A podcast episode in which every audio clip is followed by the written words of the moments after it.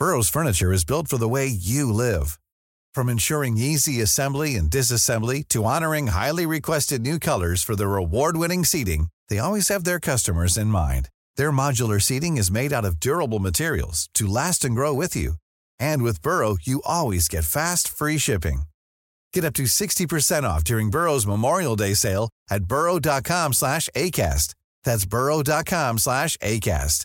burrow.com slash ACAST. Ready to pop the question? The jewelers at BlueNile.com have got sparkle down to a science with beautiful lab-grown diamonds worthy of your most brilliant moments. Their lab-grown diamonds are independently graded and guaranteed identical to natural diamonds, and they're ready to ship to your door. Go to BlueNile.com and use promo code LISTEN to get $50 off your purchase of $500 or more. That's code LISTEN at BlueNile.com for $50 off. BlueNile.com code LISTEN. En av Norges største virksomheter omtales over 40 000 ganger i året. Hvordan er det å være toppsjef for skandaliserte Nav når alle journalistene banker på døra samtidig? Det lurer vi på denne uka. Det lurer vi på denne uka, og skal ikke lure så lenge, fordi Nav-sjef Hans Christian Holte kommer til oss og forteller om hvordan det er å være toppsjef i en av de største virksomhetene og ha ekstremt stor pågang fra media. Velkommen, Eva. Velkommen, Svein Tore. Har du hatt en fin uke siden sist? Du, eh, da må jeg nesten tenke, og hvis man må tenke på om man har hatt en fin uke, da har man som regel hatt det travelt. Ja, Så det- det kan jeg vel si at jeg har. Mm. Det Og så har jo vi vært i Arendal, og når man er én uke nesten borte fra det vanlige eh, Vi hadde en deilig morgenstund hvor vi hadde podkastopptak på brygga osv., men når vi er tilbake igjen, så har jo verden har jo løpt eh, like fort som det vanligvis gjør. Mm. Og da begynner du vi å lese mail og Hverdagen eh, har kommet over oss. Eh, jeg har fått en liten variant av den Indian Summer-stemningen som jeg hadde Ja. håpet på, det, men det er fortsatt vekslende vær osv., da. Men eh, jeg vil i hvert fall legge ned forbud om å snakke om at det er høst. For det er Ja, det ikke. det er det fortsatt ikke. sommer. Men det jeg har lagt merke til som er uvant, er at jeg faktisk ikke har holdt meg sånn veldig oppdatert på nyheter. Det har kommet folk bort til meg og sier 'har du hørt at'? Det er resultatet av å være veldig travel. Ja. Har du hørt at? Ja. Og da har jeg som regel alltid hørt at. Ja. Men akkurat nå så føler jeg ikke at jeg har liksom Nei, fulgt så med det godt begynner å bli litt uh... Eva? er det noe du har uh, lagt merke til? Jeg har vår- hørt at uh, Nei da, jeg bare kom over en uh, sak. Stiftelsen Tinus, som er en av eierne i Skipsted, for ordens skyld, da. eh, de har sendt ut to unge studenter i sommer som har undersøkt eh, flerkulturelles forhold til nyheter.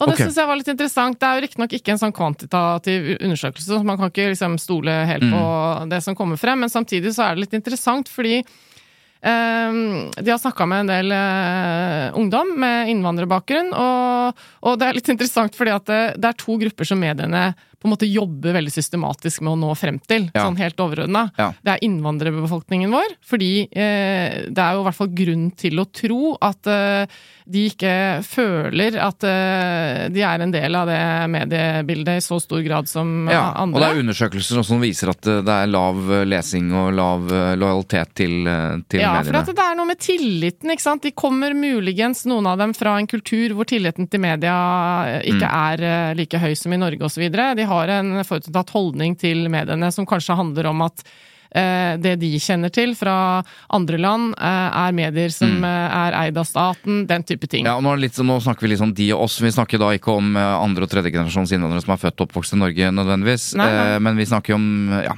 Ja. De, de som er også innvandrere, Ja, så jeg snakker og om de av oss fordi at jeg har ikke Nei, jeg innvandrerbakgrunn. skjønner det.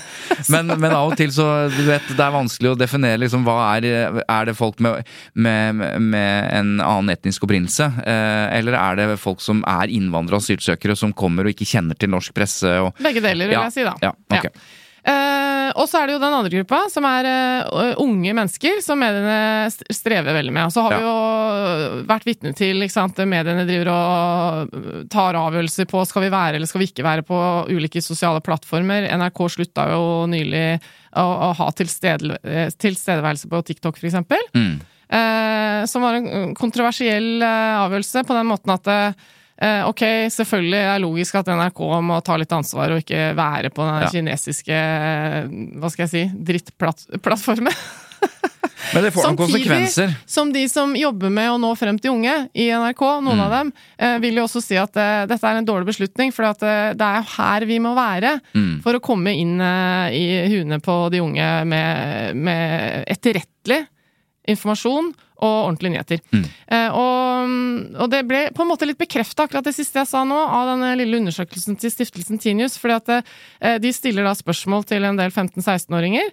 Um, og her tror jeg ikke det at de er innvandrer, eh, altså har innvandrerbakgrunn, kanskje foreldre eller er tredje generasjon, som du sier, og sånn, men det tror jeg ikke har noe å si, egentlig. For det Nei. de svarer, tror jeg er veldig representativt For ungdom, ja. for ungdom. Uh, og det er liksom Hva er din kilde til informasjon og nyheter? Ja, det er TikTok, ikke sant? ja. Eh, som er favorittappen. Og, og så er det de fleste av de som de spør, eh, svarer det etterfulgt av Snapchat og Instagram. Ingen nevner Facebook, men det var ikke noen stor overraskelse, for det er jo ingen er som er på Facebook. Men, eh, men allikevel så har de et forhold til nyheter, men de er ikke så interessert i nyheter. De bryr seg ikke så mye, kan man få litt inntrykk av denne lille, lille Ja. undersøkelsen. Um, men de sier også at de trenger ikke å ta noe særlig initiativ for å få nyheter, så de er egentlig oppdatert. For de, De kommer i med- feeden. De kommer i feeden, ikke Og det er jo også fordi De eh, får det i sosiale medier. ja, det er også Når de snakker om nyheter, så er det jo fordi VG er på TikTok og Snapchat, og, de, og de er jo, det er flere redaksjoner som fortsatt er på disse plattformene. Nettopp. Og det er jo, ikke sant, jeg kan forstå at det er litt frustrerende å være i NRK også, for at det er jo de, de tar jo et samfunnsansvar ved å ta ansvar fra Nei, ta avstand Ja. fra TikTok. Men Men så er VG der, for eksempel. Mm. Og derfor så svarer absolutt alle i denne lille filmen som har blitt laget i forbindelse med den undersøkelsen, som snakker om Ja. medier, de snakker jo bare om VG. Det er jo riktignok Norges største avis også, da, men Ja.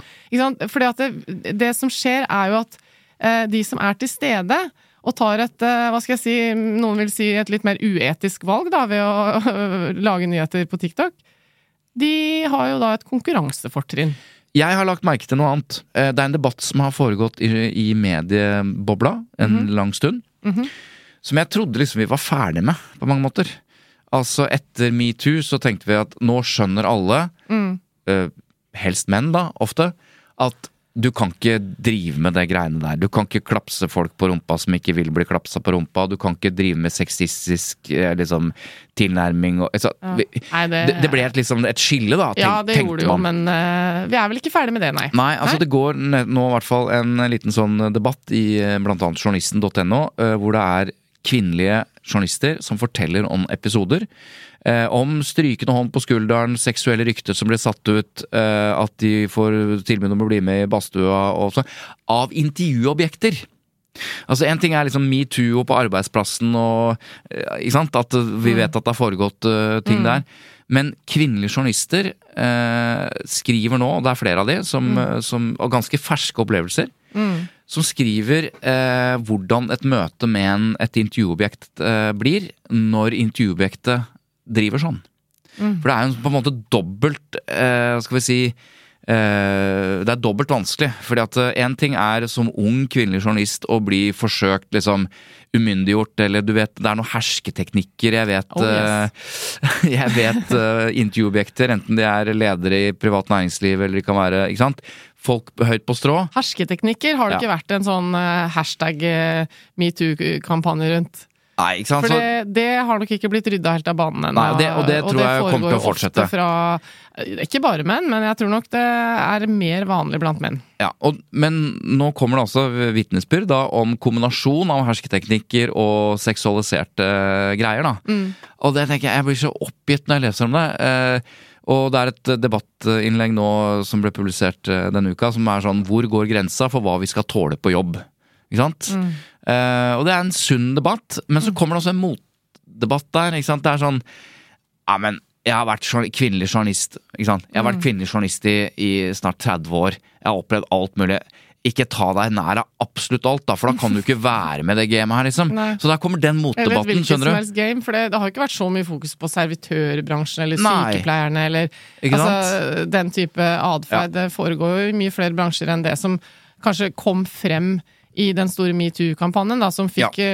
litt eh, overslag på, hva skal jeg si, kultur... eh, Ja, det var mye kulturbransje Altså og medier skuespillere, Fordi de sånn. tok, eh, tok saken i egne hender og Mm. lagde arrangement og ikke sant, hadde masse Men jeg syns i hvert fall det er interessant og da at, at helt sånn legitime liksom vitnesbyrd om hvordan det er å få slengt et kjønnsorgan i fleisen på jobb, liksom. Eh, det var også skrevet her. Det er en av Ja, jeg vet ikke akkurat hvordan det skjedde, men det var i hvert fall noe av det som ble skrevet. Ja.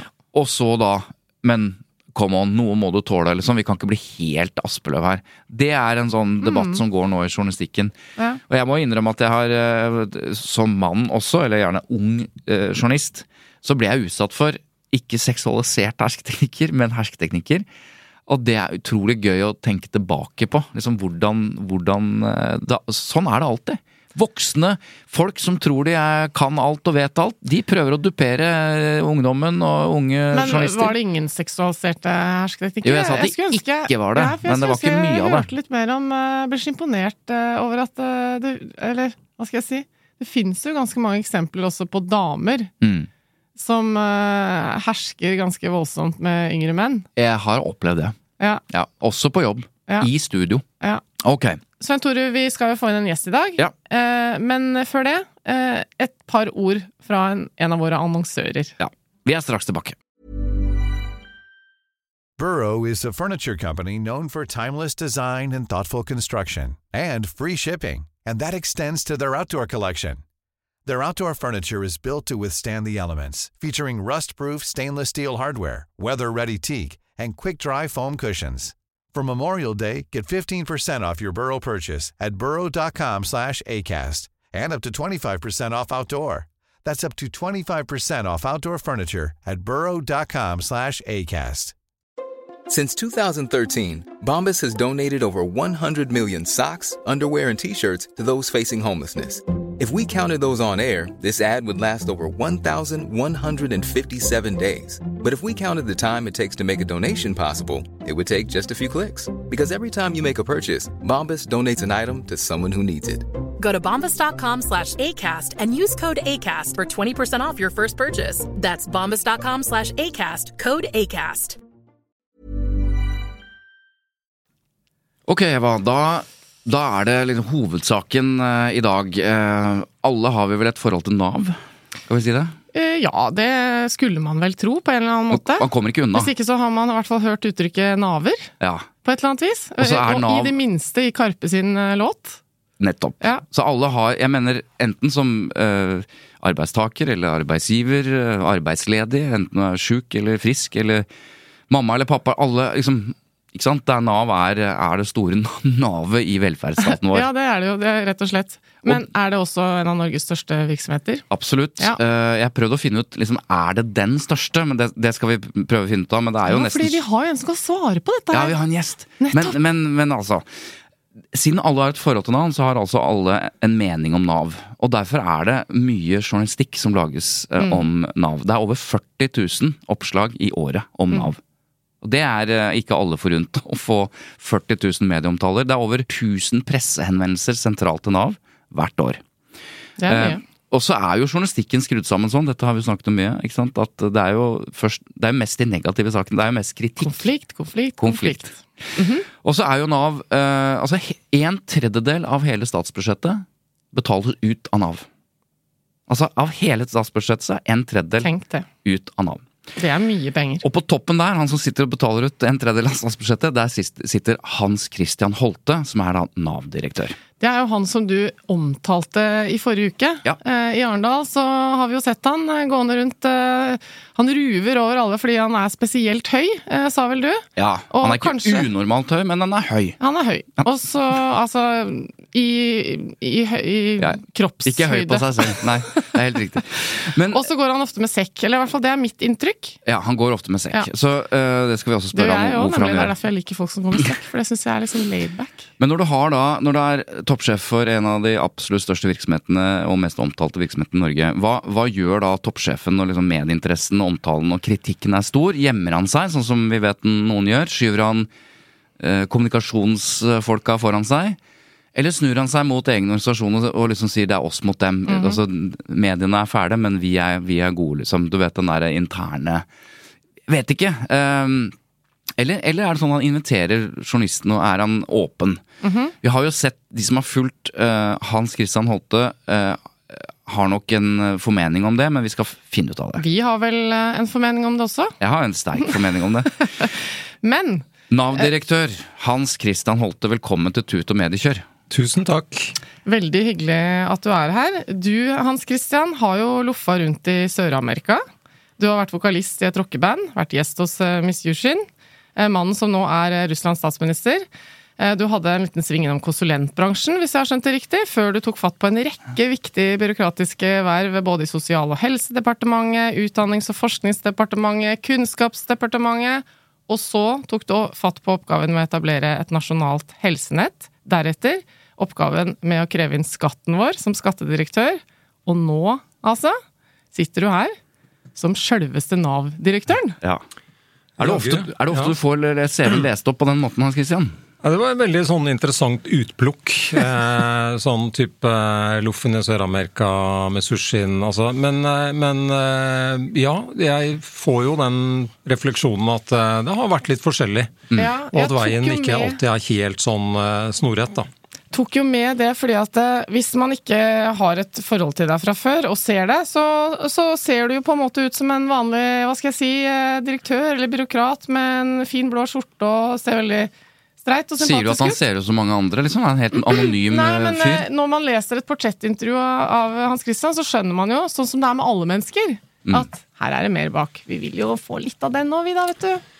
Fortell ja. oss, hvorfor loffa du rundt i din ungdom? Nei, det, altså, det, er, det, er, ikke så Jeg føler meg ikke veldig original. Eh, men, eh, men, det er mange som har lyst til å loffe rundt. Nå er det jo blitt eh, Nå er det ganske mainstream.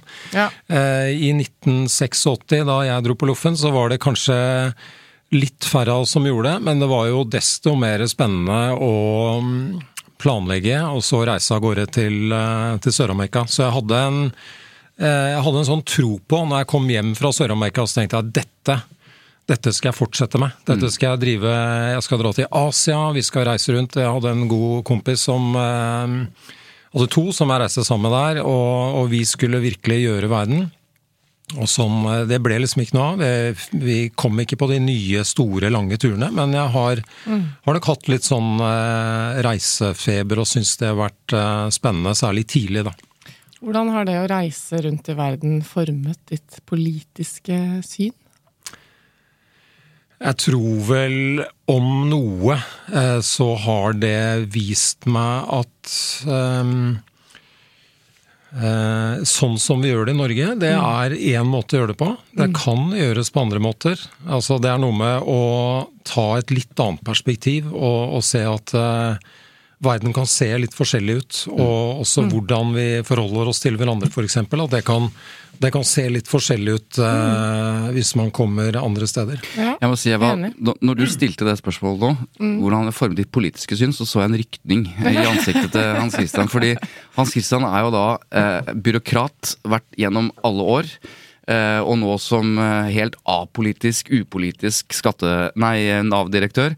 Så en byråkrat har jo ikke noe politisk eh, liksom Snakker aldri om politikk. Så jeg så at det var sånn Byråkraten reagerte litt. Jeg, jeg, tolker jeg deg riktig nå? Det er vel ikke noe hemmelighet hvor du står politisk? Jeg har ikke det er, det er, riktig at jeg ikke har en, en, politisk Jeg har ikke noe sånn politisk fane, nei. Det er helt riktig. Og, og det som er det som er veldig trygt og godt for meg å snakke om, da, det er jo samfunnsengasjement. Mm. ikke sant? Det er, det er litt sånn apolitisk, eh, fint uh, begrep, som, uh, men som jeg faktisk legger ganske mye i. altså mm. Noe av grunnen til at jeg går inn i den type roller som dere var innom, Eva, i innledningen, var jo mm. at ja, jeg, jeg kjenner på et en drive for å, å, gjøre noe godt for offentlig sektor i Norge. Forsøke mm. å bidra til det. og mm. det det er ikke nødvendigvis partipolitisk, men det er, eh, det er mer et sånt samfunnsengasjement, tenker jeg da. Mm. Men vi må jo snakke om det du er her for å snakke om, eh, Hans Christian. Du eh, startet som Nav Altså den, den presise Det er jo Vi sier Nav-direktør, men du er altså arbeids- og velferdsdirektør i Norge. Er det ja, riktig? Det er riktig.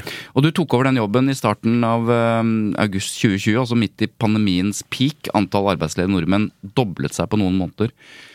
Hvordan var det å ta over uh, denne Altså det er en oppgave som noen beskriver som en helt umulig ledelsesoppgave. Mm. Det å ta over Nav. Uh, hvordan var det? Det var, eh, det var, klart det var veldig spesielt akkurat i den perioden der. Eh, og, og, 500 000 ledige nordmenn eh, nærmest over natta, ikke sant. Og mm. en organisasjon som, som plutselig måtte gjøre alt helt annerledes. Det måtte jo for så vidt veldig store deler av Norge, men i tillegg så skulle vi levere eh, ut tjenester. Eh, vi skulle komme med nye løsninger, sånn at folk kunne få penger på midlertidige ordninger og den type mm. ting som regjeringen eh, bestemte. sånn at det var det var jo en ekstrem sånn type dugnad som foregikk eh, da jeg kom til Nav, og satt og prøvde å styre Nav fra andre etasje i et rekkehus på Kjelsås. Det er heller ikke noen sånn ideell eh, ideell situasjon. Med kort, kortest mulig behandlingstid, så folk fikk pengene sine osv.? Ikke sant. ikke sant? Og, og, jeg hadde fantastiske teknologer som lagde løsninger så, så penga rant ut, altså disse store mm. summene som dere snakker om. Mm. Eh, på tre dager laget vi en sånn forskuddsløsning som gjorde at eh, det ikke skulle stå på om folk fikk penga sine eller mm. ikke. Mm. Så det var, det var ganske intenst. Og så måtte jeg jo altså Jeg var jo klar over at Nav var en det sant? det er, en diger eh, organisme, så det å bli kjent med den, det, det, skjønte jeg jo fort at det skal jeg bruke noe tid på å virkelig, mm. virkelig, gå inn i. da. Jeg må bare spørre, hva var grunnstemningen hos deg eh, da du våkna om morgenen på den tida der? når du liksom skulle opp og løse de oppgavene? Veldig sånn, eh, jeg var veldig våken veldig med en gang, følte jeg. Ja, okay. Altså litt sånn uh, pling. Nå, å ja, Nav, ja. Ut og hjelpe folk? Ny, ny, ny dag og mm. Ja, det var ganske intenst. Ja. Og jeg opplevde at hele organisasjonen jobba veldig intenst også med å, å, løse det vi sto i, da. Mm. Så det var, jo, det var, jo, kjempeinspirerende også, selv om det var, det var halsbrekkende og osv. Men det var Nav eh, har jo hatt sine, sine, tøffe ting og kriser, det skal du sikkert du skal komme tilbake til. Komme mm. tilbake til. Men, mm. men, det jeg opplevde som var litt spesielt med akkurat den koronakrisa, var jo at Nav var en så stor del av løsningen. Det var ikke en krise som dreide seg om at Nav hadde gjort feil, eller den type ting, men det mm. var en krise hvor jeg opplevde at veldig mange syntes det var godt å kunne bidra til eh, å, å, dra Norge gjennom den krisa. Da. Mm. Du, eh, og, altså Grunnen til at du er her, er jo ikke bare for å fortelle om uh, loffing i Sør-Amerika og, Sør og, og, og, det å være Nav-direktør, men det at du faktisk leder en av de største offentlige virksomhetene i Norge, uh, som alle har et forhold til. Det lages ekstremt mye journalistikk på Nav. Uh, og vil liksom finne ut hvordan det skjer. Hvordan er åpenheten? Hvordan liksom forholder du deg til media? men jeg har lyst til å liksom, allikevel i overgangen der, fra å være skattedirektør til å bli Nav-direktør, den er jeg også litt spent på. Fordi man tenker seg at en skattedirektør, du krever inn masse penger. Nav-direktør gir ut masse penger. Den ene må jo være mm, på en måte mer populært å gi ut penger enn å kreve inn penger, men, men, hvordan er det egentlig, hvordan opplevde du det i praksis? Ja, og endra det seg når det var middagsselskaper, på stemningen rundt bordet når du fortalte hva du drev med? Altså, det er, det er eh, paradoksalt, eh, fordi det er eh, Altså Nav er vesentlig mindre populært enn skatteetaten, det er det ikke tvil om. Ja. Mm. Eh, og det merket jeg også som skattedirektør versus det å, å være Nav-direktør. Det er noe med Eh, kanskje særlig i møte med media. Eh, så er det sånn at jeg kan oppleve at det er litt sånn motbakke eh, mm. i starten som eh, i Nav-direktørjobben. Og jeg kan si litt mer etter hvert om hvordan det er det hvordan foregår journalistikken mm. Eh, knytta til Nav. men men sammenlignet med skatt, da. Skatt er litt sånn, for å bare karikere det litt, altså skatt er litt mer sånn vær så god, her er mikrofonen, hvordan tenker du om dette, skattedirektør? Ja. Eh, mens eh, Nav er litt mer men hvordan forklarer du, og, og, og, hvem har egentlig skylden for dette? og det har å gjøre med type saker, men det har også litt med en sånn inngang til, eh, til Nav og, ja. og skatt. da. Og det gjør at jeg så jeg har lyst til å høre hva slags eh, innstilling Altså Når du er eh, ansvarlig for så store institusjoner, så har du antageligvis en, en, ambisjon når det gjelder åpenhet og media, og hvordan du skal forholde deg til den offentlige samtalen. Men du beskriver nå at det er ganske annerledes. Kan du si litt liksom, Hva var din innstilling når du kom til Nav, om hvordan du skulle nettopp forholde deg til media og offentligheten som toppsjef for Nav? Ja, den, den, innstillingen den var preget av at jeg eh, hadde jo sett Nav fra utsiden, mm. eh, som alle andre, ikke sant. Eh, så jeg hadde noen forestillinger om hvordan Nav fremsto i media, og, og, hvilken rolle Nav spilte i media. Ja, Si litt om det. Hva slags inntrykk hadde du? Ja, Mitt inntrykk er vel at Nav eh, veldig ofte var en type sånn eh, prygelknabe. Altså det var litt med, med ryggen mot eh, tauene at Nav uttalte seg. Det var for å forklare og forsvare en, kanskje en, en vanskelig sak, eller en, en situasjon som, eh, hvor Nav hadde gjort feil. Den type ting. Eh, men at det var det jeg så av Nav. Og ellers kanskje, og nå kan det godt tenkes at jeg er eh, urettferdig mot de som styrte butikken da, men, men i hvert fall det var det inntrykket jeg ja. satt med. At det var lite annet. Så det jeg da, kom, da jeg kom til Nav, så tenkte jeg at noe av det jeg ønsker å få til, selv om jeg ikke nødvendigvis tror at det er kjempelett, da, det er å supplere det bildet av Nav med mm. også ja, hvordan er det vi tenker? Hva er det vi ønsker å få til? Mm. Hvilke ambisjoner er det vi har? Hva er det vi ønsker å utfordre andre på? Altså en mer sånn aktiv rolle i samfunnsdebatten ønsket jeg at Nav skulle ha. Mm. Så det har jeg jobba med, og har vel aldri tenkt at det er veldig enkelt å få den plassen. Men, men det er fortsatt viktig. Så, så noe av det som skjedde den første høsten, var at jeg la fram seks ambisjoner for utvikling av Nav. Noe av det som driver meg i sånne jobber, er at jeg tenker at alle disse virksomhetene, små og store for så vidt, er jo, er jo i en utvikling. Og jeg syns sånn utviklingsarbeid er viktig og, og, og givende. Så det er som å tenke hva bør skje med Nav framover. Og da var denne samfunnsaktørrollen, tydeliggjøre den, by på seg sjæl som Nav. Hvordan er det vi tenker, hva er liksom logikken i hvordan vi virker? Mm. Mm. Det var viktig for meg. Så det var, en, det var en av disse ambisjonene. For det er jo egentlig ikke veldig logisk, eh, sånn som jeg ser det. Hvis vi ser bort fra uh, hvordan mediene dekker ting, så er det ikke så logisk at folk skal være så negative til alt som har med Nav å gjøre. Altså, og så mye mer positive til det som har med skatt å gjøre. Det burde jo egentlig være omvendt, og at uh, vi forstår mer hvor bra systemet i Nav er. Ja, jeg er jo enig med deg i det. Så, så veldig fint. Og, og det det ønsker jeg også at flere skal se. Og det, det som er ganske slående, er at uh, når vi ser på, hvis vi ser på mediebildet av Nav eh, i lokalmedia, mm. uh, så er det et mye mer positivt bilde. Og det tror jeg skyldes at der er det de, mange av de gode historiene kommer. Der er det lokale samarbeidet mellom et Nav-kontor og en lokal bedrift f.eks. Mm.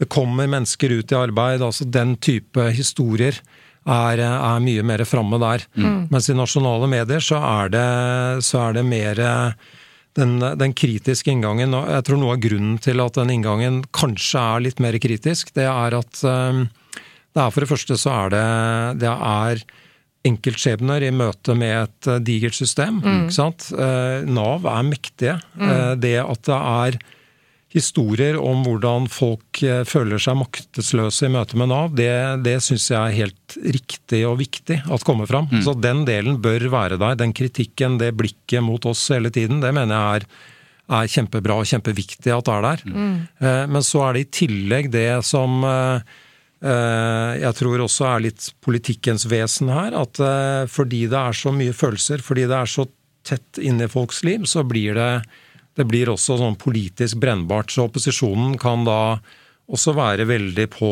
eh, liksom å, å, kritisere via Nav. Ja, for de er tillitsmenn på vegne av folket og skal stå opp for folk mot et stort system. Så da får du den dynamikken. Mm. Ja, og så bare legge til én ting til, bare så det er klart.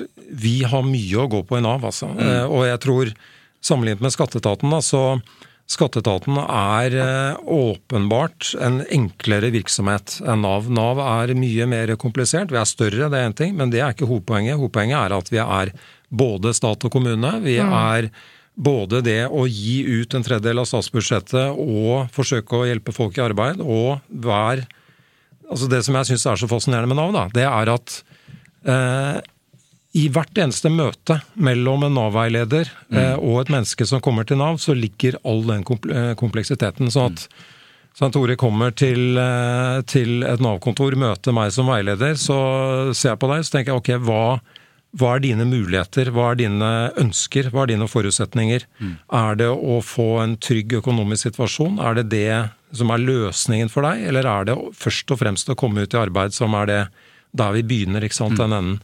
Men der ligger, det, der ligger det mye spennende. Ja. Nå snakker du om den delen som faktisk handler om å hjelpe noen som kommer kanskje fysisk inn på et kontor osv. Men veldig mange av oss eh, har et møte med Nav som egentlig bare er gjennom et stort digitalt system. Altså en løsning på nett. Det ja. er vårt forhold til Nav. Mm. Eh, og det er masse skjemaer vi skal fylle ut, og vi skjønner ikke helt og sånn. Så noe av frustrasjonen kan vel også være eh, møte med det systemet du snakker om. Men i et sånt uh, digitalt uh, kaotisk system. Det er i hvert fall min personlige opplevelse. da. Mm. Altså, det er jo ikke, det er jo ikke, De fleste av oss eh, sitter jo ikke inne på det kontoret du beskriver. Der Nei. er det vel også en del kritikk å få, eller? Er du gæren. Det er det. Det er det, altså. er det og, også noe mediene tar tak i? Uh, ja, det vi uh, var uh, oppslag i uh, forsida av Aftenposten i går som gikk på, blant annet på et veldig sånn kanskje et brev som ikke var bra formulert i en veldig vanskelig situasjon, ikke sant? hvor noen har mistet et barn. Mm. Så det, det, er et eksempel på noe av det vi, hvor vi fortsatt har mye å gå på. Da. Men, mm. men det er det som kanskje er litt vanskelig å virkelig skjønne hvor, hvor, stor jobb det er med de millioner av vedtak som vi gjør hvert år, mm. Eh, og den automatiseringen som ligger i disse digitale løsningene. Mm Som skru på de, de, riktige spakene, sånn at vi, vi, klarer å få ut de gode brevene. At vi klarer å få den, de gode digitale opplevelsene for, for deg, f.eks. Mm.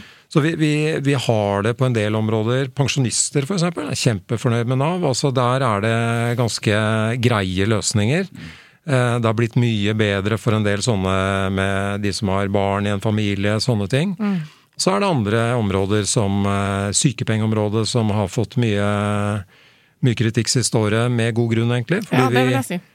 Ja, ikke sant. Og, og, det er jo fordi vi, vi, jobber med Vi er midt i å prøve å, å, modernisere de løsningene, men vi bruker noe tid på det. Og ja, da er det dårlig underveis. Jeg sa i starten Eva, at alle har stressa, jeg ja, ser det Nei, jeg er ikke stressa. Jeg sa i starten at alle har et forhold til Nav. Ja, vi er jo alle navere. Om en hvis vi har levd et normalt liv. Nettopp. Ja. Så jeg bare Vi skal ikke falle nå i fristelsen for å stille Hans Christian eh, spørsmål som handler om systemet Nav, bare. fordi at jeg har masse jeg, jeg, har masse historier Hans Christian, om Nav eh, som jeg kunne tatt både foran og etter dette programmet. Jeg skal ikke gjøre det. Nei. Men jeg har lyst til å prøve å sette, dra et resonnement. Fordi du kommer til en organisasjon som jeg opplever sett utenfra har vært i, gjennomgående kriser. Altså fra den ene, enten det er digitale og bruk av konsulenter, eller det er EØS-skandal, eller granskingen av EØS-skandalen, ikke sant? der Nav øh, mennesker hadde blitt feilaktig dømt og sendt i fengsel og stempla som svindlere. ikke sant? Den svære saken der. Det er krise på krise i en stor organisasjon. Du har også det derre møte... Altså risikoen. Det er folk i din organisasjon som har blitt drept på jobb. Ikke sant? Det er disse krisene spenner over liksom stort spekter. Og så kommer du dit. Eh, og når vi eh, ser på kriser, så ser vi ofte at mennesker reagerer eh, ganske instinktivt med å lokke seg inne. Og Organisasjonen lokker seg inne. Uh, og de forsvarer seg mot, med nebb og klør mot omverdenen på mange måter. ikke sant? Og da er det media som er i front der for å målbare kritikken og stille kritiske spørsmål. Så kommer du, da, som jeg opplever har en sånn uh, Du har nettopp snakket litt om det, og det å åpne opp og diskutere samfunnsrollen til Nav osv. Men hvordan er det om å liksom være åpen og tilgjengelig for media når hele organisasjonen, innbiller meg, da, kjemper litt liksom mot, uh, mot dette? Så kommer en Nav-direktør, en ny Nav-direktør. Nei, nå må vi åpne opp og være tilgjengelig for media. Sånn. Alle jeg har snakket med som har vært i krise og mediene har banket på, de hater jo media. For media blir et, sant, blir et uttrykk for det du eh, kjemper mot hver eneste dag og står opp og møter forsider og alt mulig. Langt resonnement, men du skjønner hvor jeg vil. Hvordan er det å liksom å, å, møte den organisasjonen som har vært i så mye kriser, og så skal du liksom bare åpne opp organisasjonen? Den, den er Innbiller meg det er noen motsetning der.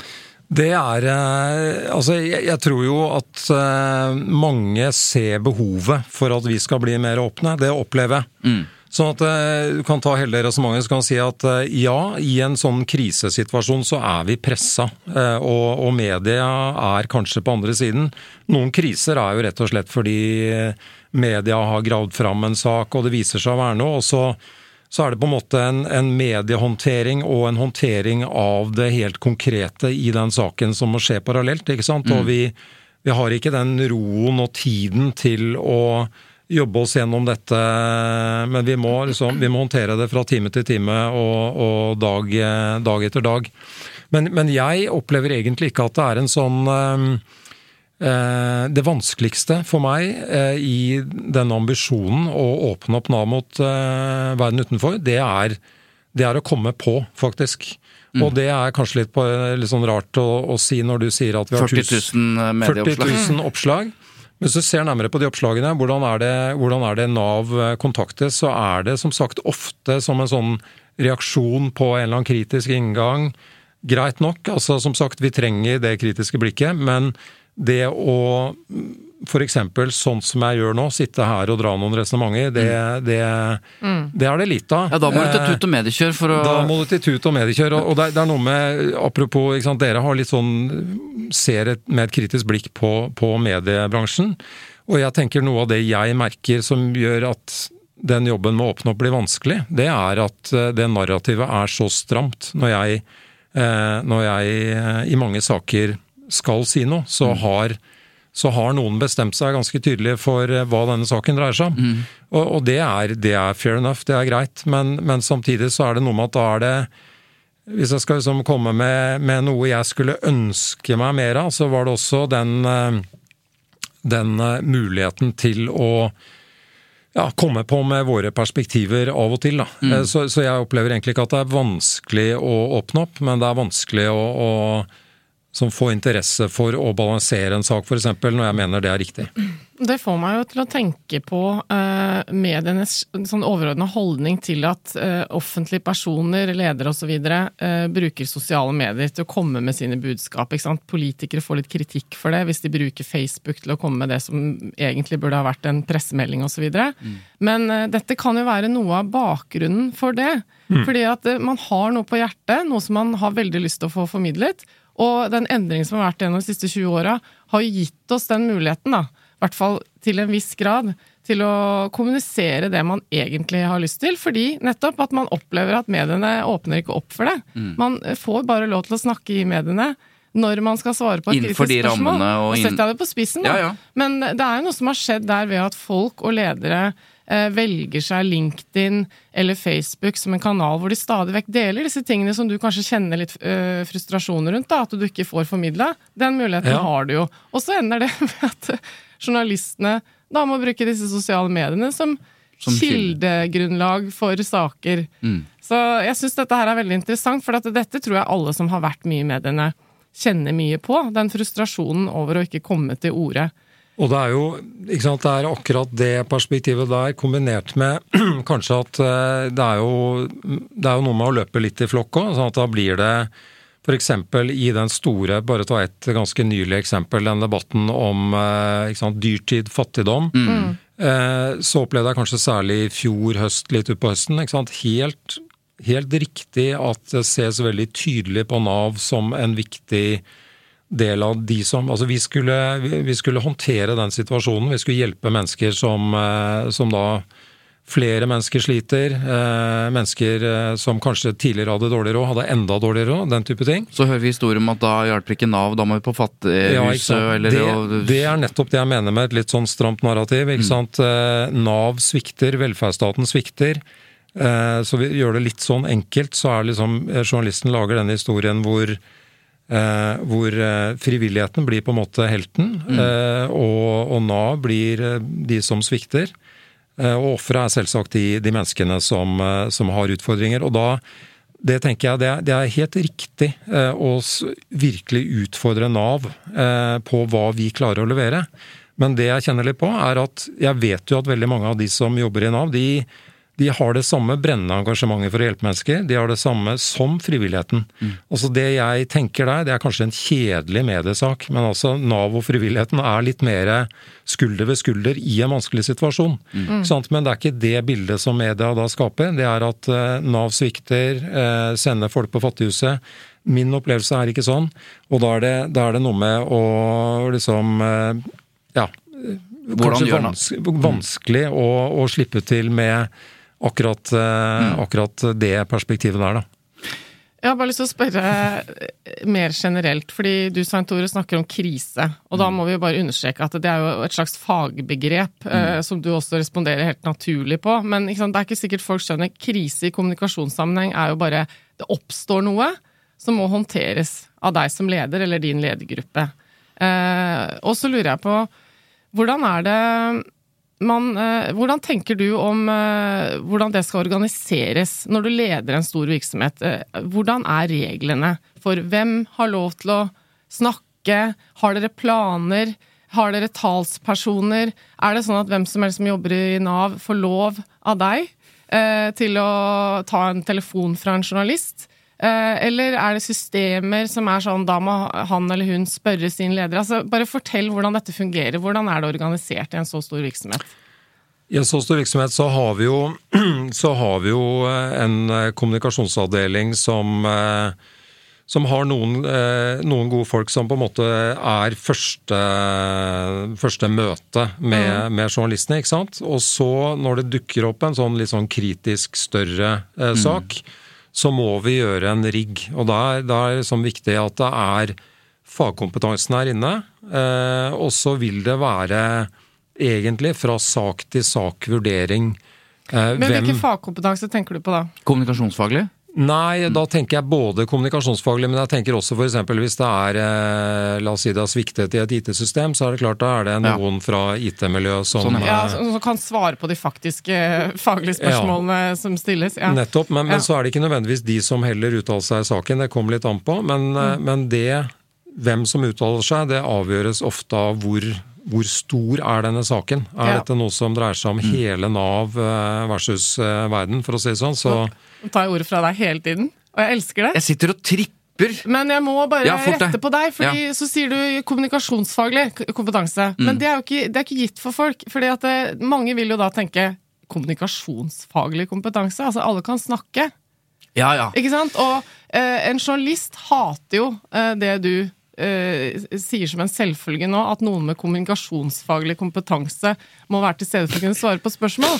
Fordi det en journalist egentlig vil, altså, tror jeg, mm. er jo å kunne ringe han som sitter bak skranken uh, et eller annet sted på et lokalt Nav-kontor og stille et hvilket som helst spørsmål. Det er jo det som er grunnholdningen til journalister, at hvorfor skal ikke alle kunne svare på mine spørsmål? Så jeg prøver bare å grave ja. litt i dette som er selvsagt for oss som jobber med kommunikasjon, men som ikke er det for folk flest. Burde ikke alle kunne bare svare på spørsmål? Og hvis de ikke har alle svarene, så, eller sier noe feil, så får det være. Altså, ja, jeg bare mm. gjør meg litt naiv nå, for men, det er ikke selvsagt for folk. Nei, men de idealene som jeg har når det gjelder håndtering av sånne saker, er jo at vi de, er, eh, de, er, eh, de, kan dreie seg om ganske mye. Da. De kan dreie seg om teknologi, de kan dreie seg om hvordan det er ute på et kontor. Mm. Nettopp, ja. Så den der helheten i hva det dreier seg om, mm. Eh, den er jeg litt opptatt av at vi klarer å formidle. Da. Mm. Og da, da, trenger du ofte å, å samle det litt. Så liksom, det er ett ideal. Et annet ideal er jo, apropos det du snakker om kommunikasjonsfaglig, min kommunikasjonsfaglige eh, holdning, hvis jeg har noen, er at eh, jeg må klare å snakke så enkelt og tydelig som mulig. Det er, det er, en, det er et ideal. Mm. mm. Men jeg, eh, mm. jeg, jeg, ser på klokka, Eva, og jeg vet at Nav-direktøren har et annet møte. Ja, Han har ikke rydda hele formiddagen. Slutt å snakke, Eva. Så, nei, nei, jeg har bare lyst, før du går Og nå har vi snakket litt om din holdning til liksom, ja, institusjonen og, og åpne opp og ut som Men din personlige personlig opplevelse med media. Kan du si litt om hvordan du mm. Altså dine møter med journalister, altså de helt konkrete. Du, du er jo i kontakt med journalister nesten i hvert fall ukentlig og sikkert daglig og på mange måter. Så hvordan, si litt om din egen erfaring med, med media og journalistikk. Ja, den, den, er jo, strekker seg langt tilbake. Eh, første sånn ordentlig medie, bading i media for min del var eh, rett før tusenårsskiftet. Da jeg hadde ansvar for eh, såkalt år 2000-problemet, håndteringen av det i statsforvaltningen. Møtte mm. bl.a. deg i, i noen sammenhenger. Ja, var, Jeg var han unge, ubehagelige journalisten som kom og stakk mikrofonen opp i, opp i ansiktet ditt. Men det var, det var, ikke ubehagelig da. Men det var Jeg, jeg tenker det var Eh, det var i grunnen da jeg begynte å, å kjenne at journalister er eh, er eh, Altså, de er våre venner, da. Mm. Det er i grunnen mitt utgangspunkt. Jeg, jeg mm. syns helt generelt at jeg ønsker å være tilgjengelig, og jeg opplever at i det store og hele så journalister er folk. Eh, de går an å, å snakke med dem, og, og, det er viktig at de forstår mm. det jeg prøver å formidle. Så det er liksom det er ikke så veldig spennende, men det er, liksom, det er, det er eh, der jeg, jeg, er. Og så har vi snakka litt om ikke sant, at kanskje er Særlig litt sånn i noen av disse spørsmålene i Nav, så er sånn narrativet, som jeg kaller det, altså mm. den derre vinklingen på en sak kanskje av og til litt for låst på forhånd. Altså mm. det, det, hvis jeg skulle mm. etterlyse noe, da det, det, er flott å sitte her og snakke om dette for meg, som jeg ikke har gjort så ofte. Så er, det, så er det egentlig to ting fra journalister i Norge. Det er en åpenhet når de går inn i en sak, også når de snakker med, med øvrigheta som, eh, mm. som meg. Og så er det i tillegg et mangfold. Altså ikke nødvendigvis ta det samme perspektivet. Mm. Eh, det er, det er, gammelt nytt at eh, det blir et sånt blodjag etter osv. Men mm. Et åpent sinn. Et åpent sinn. Ikke forhåndsdefinert hva saken er. Ja. Når, når, er det du i møte med journalister tenker at nå må du skjerpe deg. Altså, når er det, det du syns altså, Du er så sympatisk, vet du, så du snakker fint om folk, men når er det du i et møte med Jeg vet du har hatt møte med media som ikke har gått nødvendigvis helt til planen. Når er det det liksom svikter, når du syns at dette går ikke, liksom? Altså Det som jeg syns kan være litt komisk, eh, det er, eh, det er, eh, sånne situasjoner hvor journalister som fotfølger meg ut i en bil, eller altså den type ting, da. hvor, hvor jeg kanskje opplever at Poenget er å få en eller annen eh, feiluttalelse eller et Konfrontasjon, liksom? Den, den gangen jeg liksom klør meg litt i huet, og så hører jeg bare kameraet går, så tenker jeg ok, det er det bildet de skal ha, liksom. Eh, hvor jeg sitter og ser eh, helt oppgitt ut, eller Men eh, ja. Nei, men som sagt, det er ikke Det er ikke så ofte at jeg er der, altså. Nei. Helt til slutt, Hans Christian Holte, Nav-direktør. Eh, vi pleier i kommunikasjonssammenheng ofte å si at Eh, all ekstern kommunikasjon, altså det at du uttaler deg eksternt som direktør, det er også intern kommunikasjon. Fordi det er eh, Du har så mange, du har 20 000 ansatte eller noe sånt, er det det? 22. 22, ja. Uh, og du snakker jo ikke med dem hver dag. Så når du snakker i media, så snakker du jo til samtidig dine egne. Uh, helt sånn avslutningsvis, uh, når du skal balansere det der og ja, vi fortjener den kritikken, eller i hvert fall oppmerksomheten, for vi kan bli bedre, osv. Du sier jo ofte sånne ting. og så og så oppfattes jo det på en eller annen måte også internt. ikke sant? Mm. Noen hører at faen, skal jeg bli enda bedre? Jeg, jeg jobber og sliter ræva meg, liksom. Står sjefen min her og sier ja, vi kan bli mye bedre på det. Den balansen på ekstern og intern kommunikasjon mm. i mediene, hvordan kan du bare si to ord om den før du løper? Mm. Jeg kjenner mye på akkurat det der, fordi det er, det er akkurat sånn som du sier, at eh, jeg mener at Nav må være åpne for at vi skal bli bedre, og vi må høre på kritikken som kommer. Samtidig så, så, er det noe med ikke disse, disse folka som jeg veit eh, står på hver eneste dag. Så den, eh, den, eh, den, kjenner jeg på. Og den, den, er jeg tenker, Det jeg forsøker i en del sammenhenger, er jo nettopp å, å få, fram, få, fram, at vi gjør mye bra. Ikke sant? Det er noe med å ta f.eks. en litt sånn dårlig enkeltsak inn i en sammenheng eh, som er eh, som er noe av greia der. Og så mm. har jeg også allmøter internt i Nav som hvor jeg også fortsetter den, eh, kan si, den diskusjonen der. Mm. Mm. Siste spørsmål da. Hvis det er noen som jobber i Nav bak en eller annen skranke hører på, da, eh, og mm, får den telefonen fra en journalist, fins det en instruks i Nav om at de har lov eller ikke lov å snakke med journalister? Det som er bedre enn instrukser ofte, er jo mennesker og, og, og som den eh, kontakten der. Så det er, eh, det er folk å snakke med for mm. å håndtere en sånn situasjon. Jeg tror veldig mange av de som plutselig får en telefon fra en journalist som ikke har gjort det før, de, mm. er, de blir utrygge. Ja, eh, sånn at da er det noe med å snakke med eh, kommunikasjonsmedarbeideren i fylket eller mm. sant, et eller annet sånn. Mm. Så, så, løser det seg. Ja, bra. Mm. Tusen takk Hans Christian Holte for at du kom. Og Tusen takk til deg. lykke til i den viktige jobben. takk, takk. Der forsvant uh, Nav-direktøren. Uh, jeg begynte å se på klokka, vet du. for at han skulle vært et sted for ti minutter siden. Nei da, så ille var det ikke. Han gikk to minutter over tida. Det, det er jeg sikker på at han kan leve med. Du, hva, hva, nå har Nav-direktøren fortalt om uh, liksom, hvordan han ser på Navs rolle i offentligheten og sitt møte med media osv. Hva tenker du når, uh, etter praten? Nei, Jeg tenker som alltid at jeg gjerne skulle snakka med henne en time til. Nei, men uh, altså Eh, Hans Christian er jo kjent eh, som en leder som eh, ønsker å åpne opp, som du sa flere ganger. Og, mm. og, og, hva betyr det? For folk som ikke har reflektert så mye over det. Det er jo bare at man, man har en litt mer positiv innstilling til å, til å snakke med media, da, og mm. fortelle hvordan ting er. Og, og, det er jo ja, det er jo noe vi eh, er åpne om at vi heier på. Mm.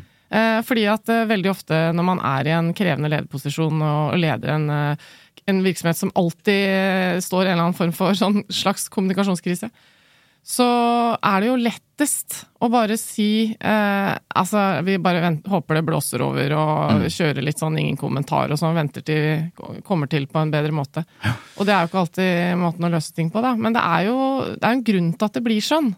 For mange, ikke sant? Fordi det er som eh, Holte også var inne på, at uh, det er vanskelig uh, å få en telefon fra en journalist. Det er, det er lett å glemme det. Mm. At uh, hvis, du, hvis, du, ringer i telefonen din, uansett hvem du er nærmest, uh, og en eller annen journalist presenterer seg og stiller deg et spørsmål, så får du jo hjertebank. Mm. Du vet det at det sånn... er veldig alvorlig, for at det du nå sier, kan komme til å komme på trykk og internett og mm. for alltid.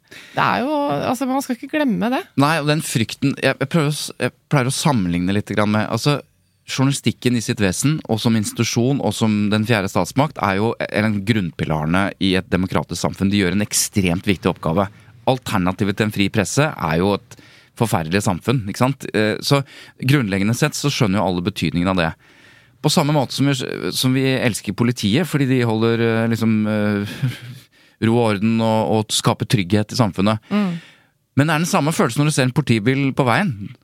Du mm. blir, du, blir eh, du, du, skvetter. Har jeg kjørt for fort? Det, skal ja. de ta meg? Altså, ja. Ja. Jeg får det i møte med politiet. Det, det er sant. Liksom, Oi, fader, hva skjer nå?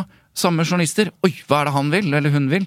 Så to institusjoner som egentlig gjør noen av de viktigste oppgavene, men instinktivt, mm. på, på, det personlige plan, mm. så blir alle litt sånn Der er politiet. Hva, hva, er det jeg har gjort gærent nå? Mm. Der ringer journalisten. Hva, hva, skjer nå? Ja. Det jeg også tenker, da, etter å ha snakket med Nav-direktøren, selv om han anerkjenner eh, naturligvis at det eh, må drives kritisk journalistikk på Nav, så jeg bare liksom understreker at den delen av journalistikken som tar Selv om det er et fast narrativ, liksom, det små mm. mennesker mot det store systemet, det er utrolig viktig. Sånn, vi har alle møtt mennesker som har hatt forferdelige møter med systemet, for å kalle det det. Mm. Som, det ligger jo i journalistenes natur å på en måte fortelle de historiene. Det er akkurat det, og ja. det må de fortsette med. Det er poenget, fordi, fordi det, det å være i en situasjon, er arbeidsledig eller sjuk eller på et eller annet vis hvor du er avhengig av systemet, mm. og så møter du det systemet, og det ikke går bra. Mm. Du føler deg mindreverdig, eller du føler deg ikke sett, eller du forstår ikke en, en dritt, liksom, og i tillegg møter du da av og til mm. Mennesker som representerer det systemet, som ikke ser deg, og som gjør en ikke sant? Det møtet Som ikke møter deg sånn som du egentlig opplever at uh, du har blitt lovet at de skal. Ja. Men det som også må sies her, da, uh, det slår meg nå, er at uh, Som vi ikke kom inn på med, med Holte her, er jo at når du er Nav, en så stor virksomhet, så er det også veldig vanskelig når vi er inne i en sånn mediesak, og journalistene har et case. Mm. Et menneske sin historie, som snakker fritt og er frustrert over ditt og datt og sånn, så er det jo veldig ofte at svaret fra andre siden ikke kan være så detaljert. For de har jo taushetsplikt, de må ta hensyn til masse greier. Eh, det kan hende at det, er det som har blitt sagt av case-personen, ikke nødvendigvis er helt riktig. Nei, det er i hvert fall en eh, variant Stemmer av Stemmer ikke nødvendigvis ja. hvis du ser på sånn og sånn. Men da må man jo Det rakk vi jo ikke å snakke så mye om, men da har man en rolle, ikke sant, kommunikasjonsmessig. Mm. At da kan man ikke gå til angrep eller liksom 'stakkars oss, dette skjønner ikke oss'. Da må man på en måte være Altså bare ta dritten, da. Ja, og da er vi jo tilbake det. til den, det Hans Christian Holte sier, at vi må anerkjenne det. Vi kan liksom ikke avvise Selv om det kanskje i ett konkret tilfelle ikke er helt sant, eller sånn. De må anerkjenne at det er en utfordring.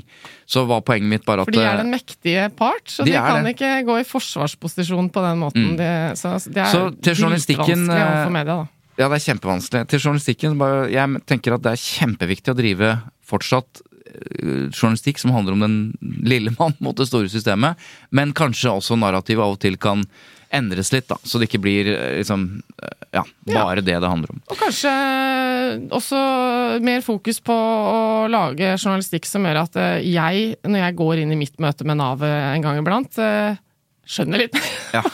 hva jeg skal gjøre. Du, Eva, nå går, nå går det mot slutten. Eh, takk for at du hører på Tut og Mediekjør. Eh, takk for at du sender inn spørsmål. Takk til Lyder Produksjoner som eh, produserer dette. Takk til deg, Svein Tore Bergestuen. Takk til deg, Eva Sandum. Da er det vel bare å si ha det, da. Da pakker vi snippsekken, og så mm. snakkes vi neste uke. Yep. Ha det. Ha det.